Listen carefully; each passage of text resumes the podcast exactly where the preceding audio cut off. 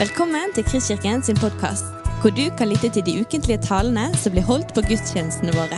Vi håper denne podkasten vil inspirere og utfordre deg til å kjenne Gud, elske mennesker og tjene vår verden.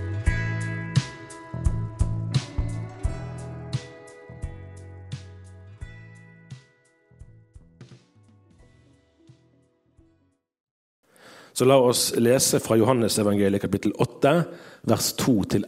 Og det er vel begynnelsen vi ser der, tror jeg.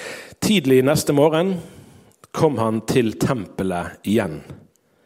Hele folkemengden samlet seg om ham, og han satte seg og begynte å undervise dem. Da kom de skriftlærde og fariseerne med en kvinne som var grepet i ekteskapsbrudd. De førte henne frem og sa, 'Mester, denne kvinnen er grepet på fersk gjerning i ekteskapsbrudd.' 'I loven har Moses påbudt oss å steine slike kvinner.' Men hva sier du? Dette sa de for å sette ham på prøve, så de kunne få noe å anklage ham for. Jesus bøyde seg ned og skrev på jorden med fingeren.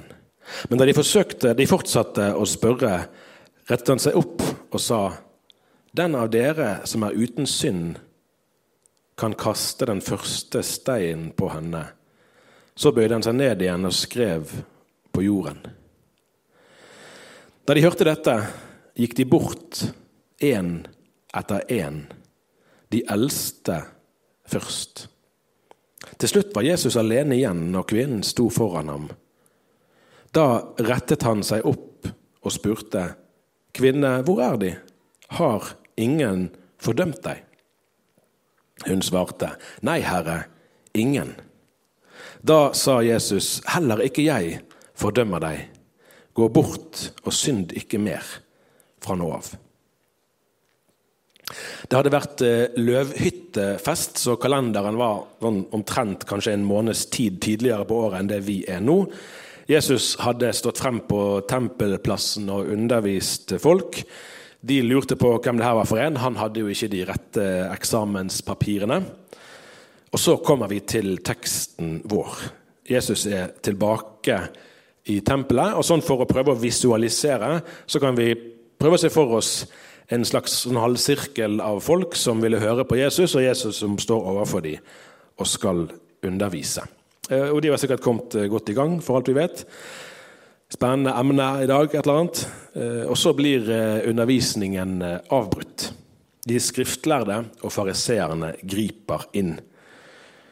Vi kan se for oss da at de for kommer inn imellom Jesus og denne halvsirkelen av de som lyttet til ham.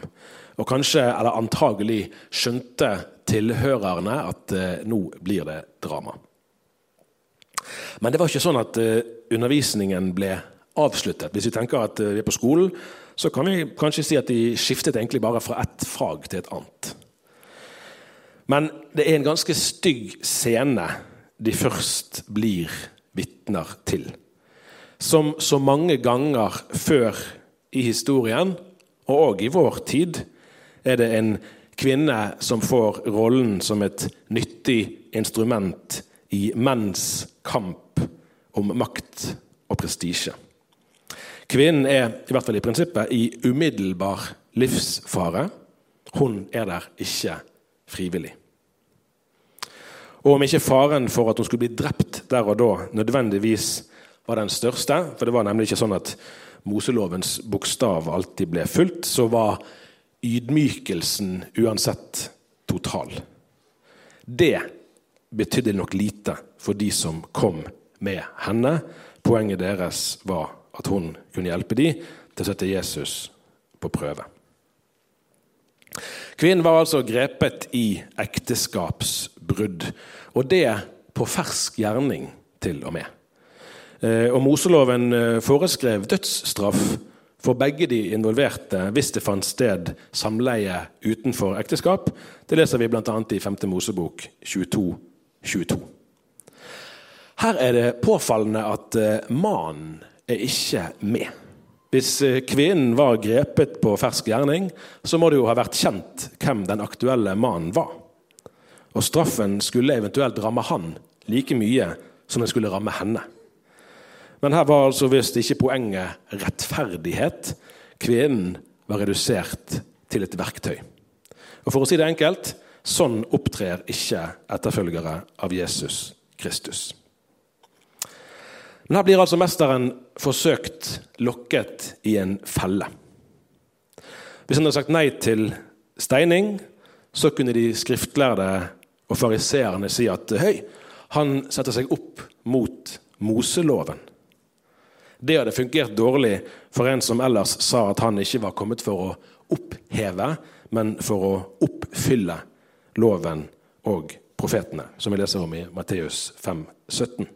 Men på den annen side, hvis han hadde sagt ja til steining, så hadde han satt seg opp mot romernes forbud mot at jødene sjøl iverksatte dødsstraffer. Det leser vi om i Johannes 18, 31. Til en viss grad ligner situasjonen på den vi finner omtalt i Markus 12 om den mynten med bilde av keiseren. Sant? at Jesus svarer på en måte feil, samme hva han gjør, etter deres forestillinger. Men den eh, kunnskapen og den visdommen som hadde imponert Jesu tilhørere da han underviste på tempelplassen før denne scenen, den kom til nytte også her. For Jesus lot seg ikke lure. Han gikk ikke i fellen. I stedet snur han på en utrolig kløktig måte hele situasjonen på hodet. Først eh, så holder han de litt på pinebenken ved å gi seg til å skrive i sanden der på tempelplassen. Mange har lurt på hva var det han skrev. Eh, og Det kan vi bare spekulere i, men det kan være ganske sånn gøy eller interessant da, å spekulere. Å, hyklere, eksempel, står det det, kanskje? Hvem vet? Hva hadde vært passende? En litt sånn seriøs teori er at han inntok rollen som romersk dommer, fordi at de dommene som skulle avsies, skulle da skrives ned før de ble uttalt. Det er kanskje litt for sånn seriøs teori. hvem vet? Uh, uansett, de nøyde seg ikke med å vente, de fortsatte å spørre. Og så retter han seg opp. Teksten uh, forteller oss ikke om uh, stemmen var myndig eller sørgmodig, en kombinasjon av de to, eller ingen av delene. Men ordene som ble uttalt, de hadde kraft til å forandre situasjonen. Eh, er det lov å si at vi blir imponert av Jesus her? Det tror jeg det må være lov å si. For idet Jesus griper ordet, så er sikkert både kvinnen, eh, fariseerne og, skrift, og de skriftlærde, og de som utgjorde det opprinnelige publikummet, ganske spente på hva som nå kommer til å skje.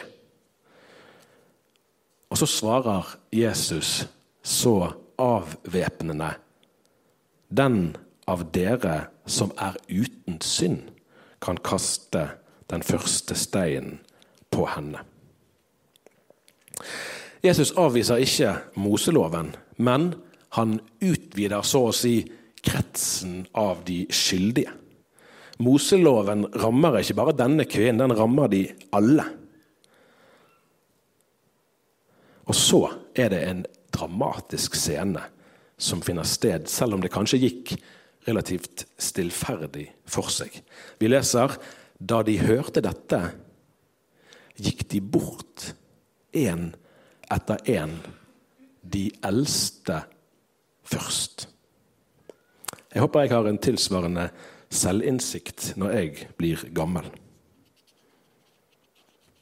Hvis vi først eh, tenker oss inn i, i rollen som de opprinnelige tilhørerne, så må vel de ha vært ganske betatt av denne snuoperasjonen. Jesus leverte, for å si det sånn. Dette var en annerledes lærer. Hvis vi tenker oss eh, inn i rollen til de skriftlærde og fariseerne, så ja, det må sikkert ha vært eh, en eller annen undring som del av opplevelsen. Hvem i all verden er han her for en?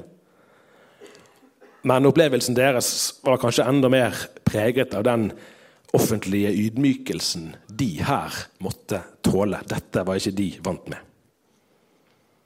Og så har jeg lurt på hvorfor det var de eldste som gikk bort først. Vi kan ikke vite det sikkert, men det er nærliggende å anta at de innså hvordan deres eget hykleri hadde blitt avslørt.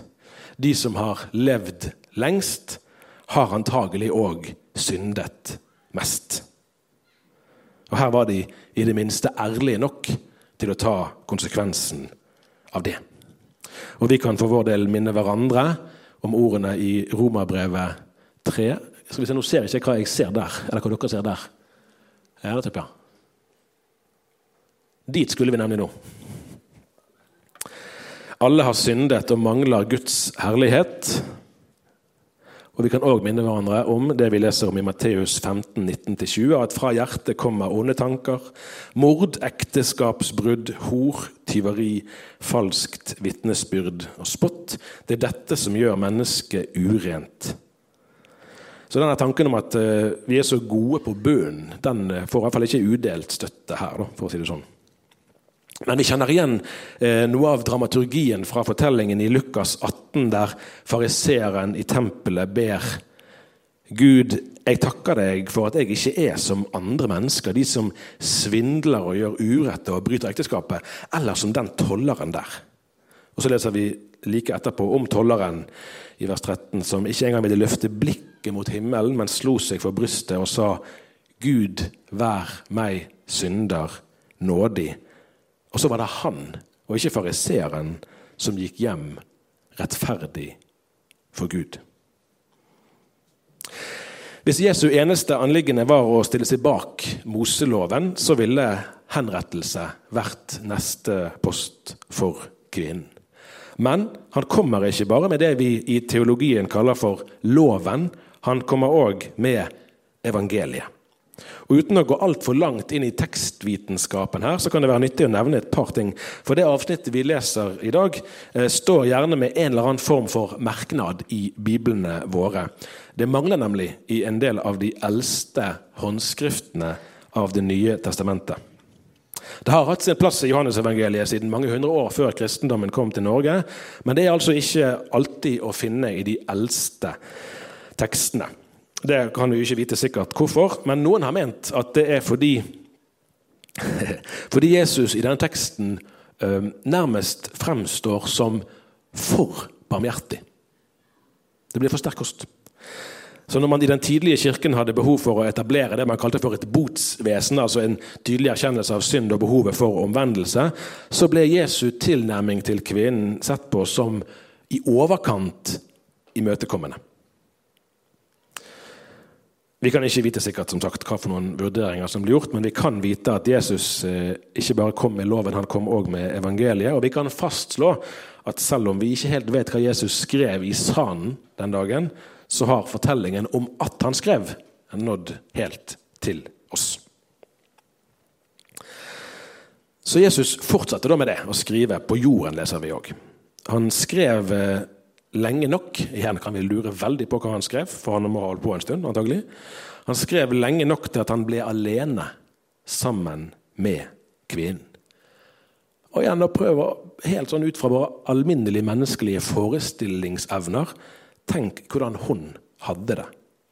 Fra å kanskje frykte for eget liv til å stå foran en offentlig eksponering som aldri ville bli glemt til en oppreisning som manglet sidestykke. Kvinne, hvor er De? Har ingen fordømt deg? Dette kunne ha gått så helt annerledes. Vi aner både takknemlighet, ja, igjen undring, kanskje nesten vantro i svaret hennes. Ingen, Herre. Vi finner noen sånne her eh, vendepunkter i Jesu møte med mennesker. Ikke minst i noen av Jesu møter med kvinner. Fire kapitler tidligere i Johannes-evangeliet kan vi lese historien om den samaritanske kvinnen ved brønnen. Eh, mange av dere har sikkert sett det. Det er så nydelig å se i denne TV-serien The Chosen hvordan ansiktet hennes forandrer seg idet hun forstår at Jesus faktisk ikke er ute etter å sette henne på plass men at han faktisk vil henne vel. Og Det endte med at eh, hun som antagelig unngikk folk pga. sin belastede fortid, ble et Jesus-vitne som dro inn til byen og spurte han skulle vel ikke være Messias. Og Vi kan tenke på Maria Magdalena, som òg hadde en broket fortid, men som fikk møte den oppståtte Jesus i hagen, og som fikk høre ham si navnet hennes, og som så gikk til disiplene med det stadig ufattelige og livsforvandlende vitnesbyrdet 'Jeg har sett Herren'. Og Kraften i vitnesbyrdet hennes hadde sitt utgangspunkt i et forvandlende møte med Jesus. Noe av det som gjør teksten vår spesiell, er at kvinnens oppreisning finner sted ja, så å si i full offentlighet. Vi befinner oss fortsatt i tempelet, og mennene som formidlet anklagen, måtte gå derfra uten å ha oppnådd det de ville. Jesu ord gjorde at steinene i hendene til de skriftlærde nærmest ble gjort om til bumeranger. Jesus vendte spørsmålet tilbake til dem som stilte det. Det som skulle være en felle, reddet livet til en dødsdømt kvinne. Heller ikke jeg fordømmer deg. Så teksten er helt klart et eh, oppgjør med den fariseiske intoleransen. Selve ordet fariseer betyr en som er adskilt. og ja, Ingen av oss er vel helt uten en indre fariseer. Kanskje er den mer fremtredende enn vi sjøl er klar over. Det lurer jeg på i hvert fall for meg sjøl. Hører vi eh, steinene våre falle til bakken? Jeg lurte på om 'steinene faller' kunne være en passende overskrift egentlig for det som jeg sier her i dag. Eh, men hører vi òg Jesu ord til oss 'Heller ikke jeg fordømmer deg'? Hører vi eh, Jesu ord til de utstøtte og forkomne? Til de som eh, strever med livene sine, som ikke finner ut av det med troen? De som ikke oppfyller de gjeldende fromhetsidealene? hører vi disse Jesu ord i møte med dem som tilhører andre religioner, som avviser at Gud finnes? Hører vi disse Jesu ord i møte med innvandrere? Hører vi disse ord i møte med de som har problemer med rus? Hører vi disse Jesu ord i møte med sosialister eller populister? Ja, nå skal jeg være forsiktig. Hører vi disse Jesu ord i møte med de som strever med sin seksualitet eller med sin kjønnsidentitet? Er det Jesu ord vi målbærer i vår samtale med dem, eller i vår omtale av dem? Formidler vi hans hilsen slik vi òg kjenner den fra Matteus 11,28? Kom til meg, alle dere som strever og bærer tunge byrder, og jeg vil gi dere hvile. Jeg tror kanskje jeg har fortalt det her en gang før, men høsten 2005 ja, Det er jo for så vidt et sånn ufrivillig apropos til at vi er litt sånn retro-greier på opplegget vårt her noen år tilbake i tid. Vel, vel. Eh, da var jeg oppe i, eh, i eh, høyblokken som huset statsministerens kontor. Jeg skulle intervjue Kjell Magne Bondevik noen dager før han gikk av da, som statsminister. Og I det intervjuet så spurte jeg han eh, om han hadde et eh, avsnitt i Bibelen som hadde betydd noe spesielt for han i tiden som statsminister.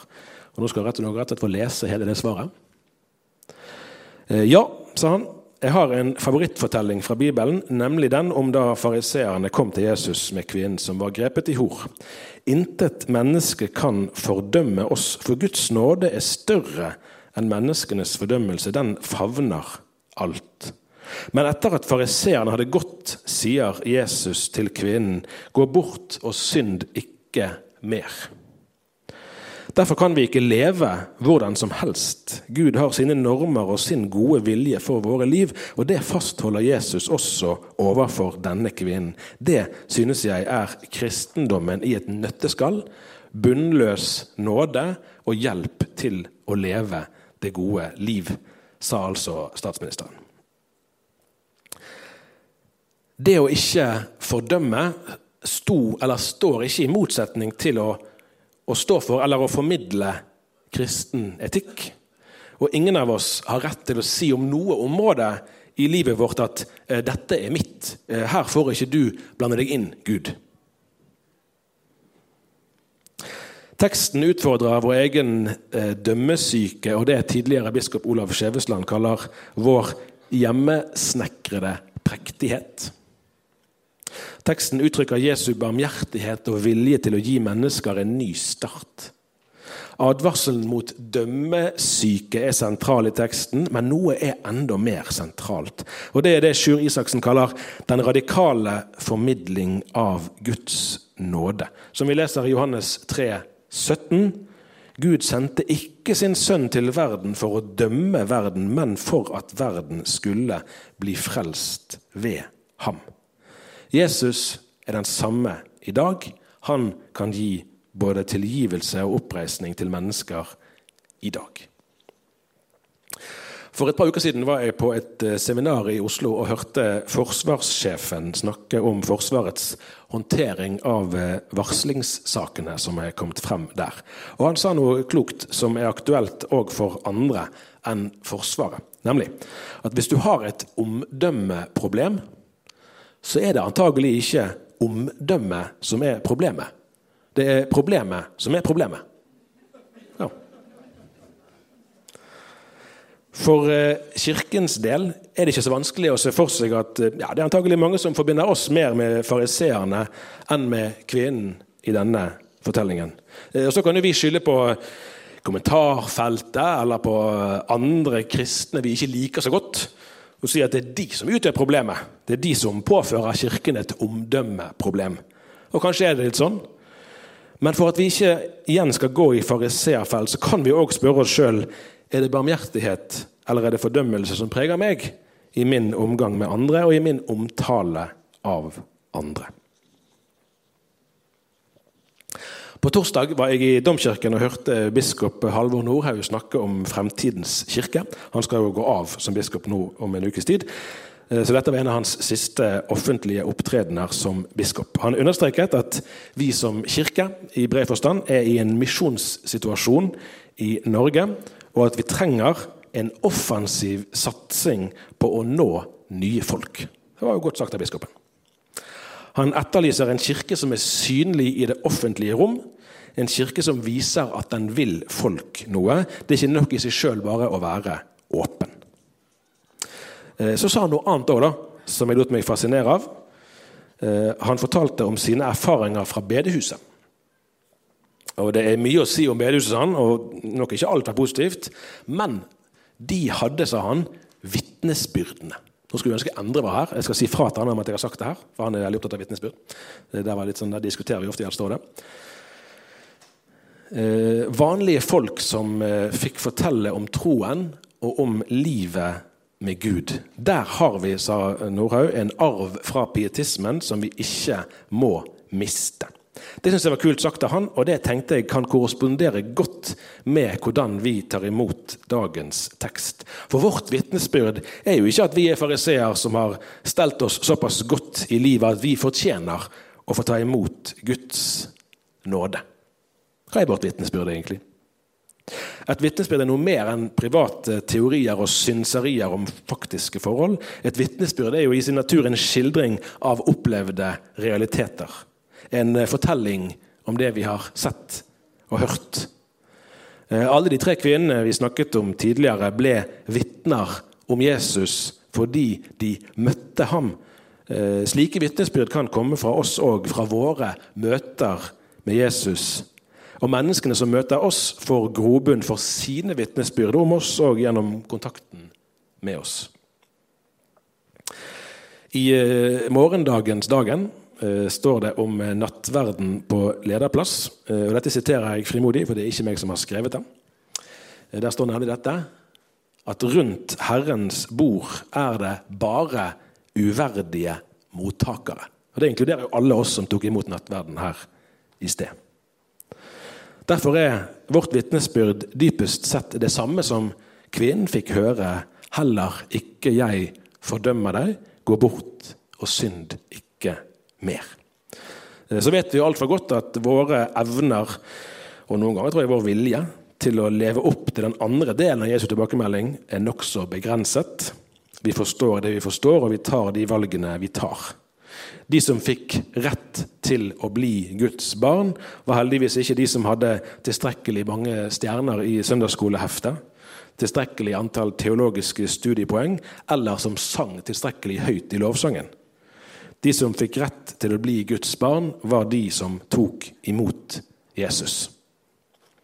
Ære være Faderen og Sønnen og Den hellige ånd, som var og er og blir en sann Gud, fra evighet og til evighet. Amen. Du har lyttet til en podkast fra Kristkirken i Bergen. Vi håper du har blitt inspirert og utfordret i din vandring med Gud. Vil du vite mer om oss, så klikk deg inn på kristkirken.no.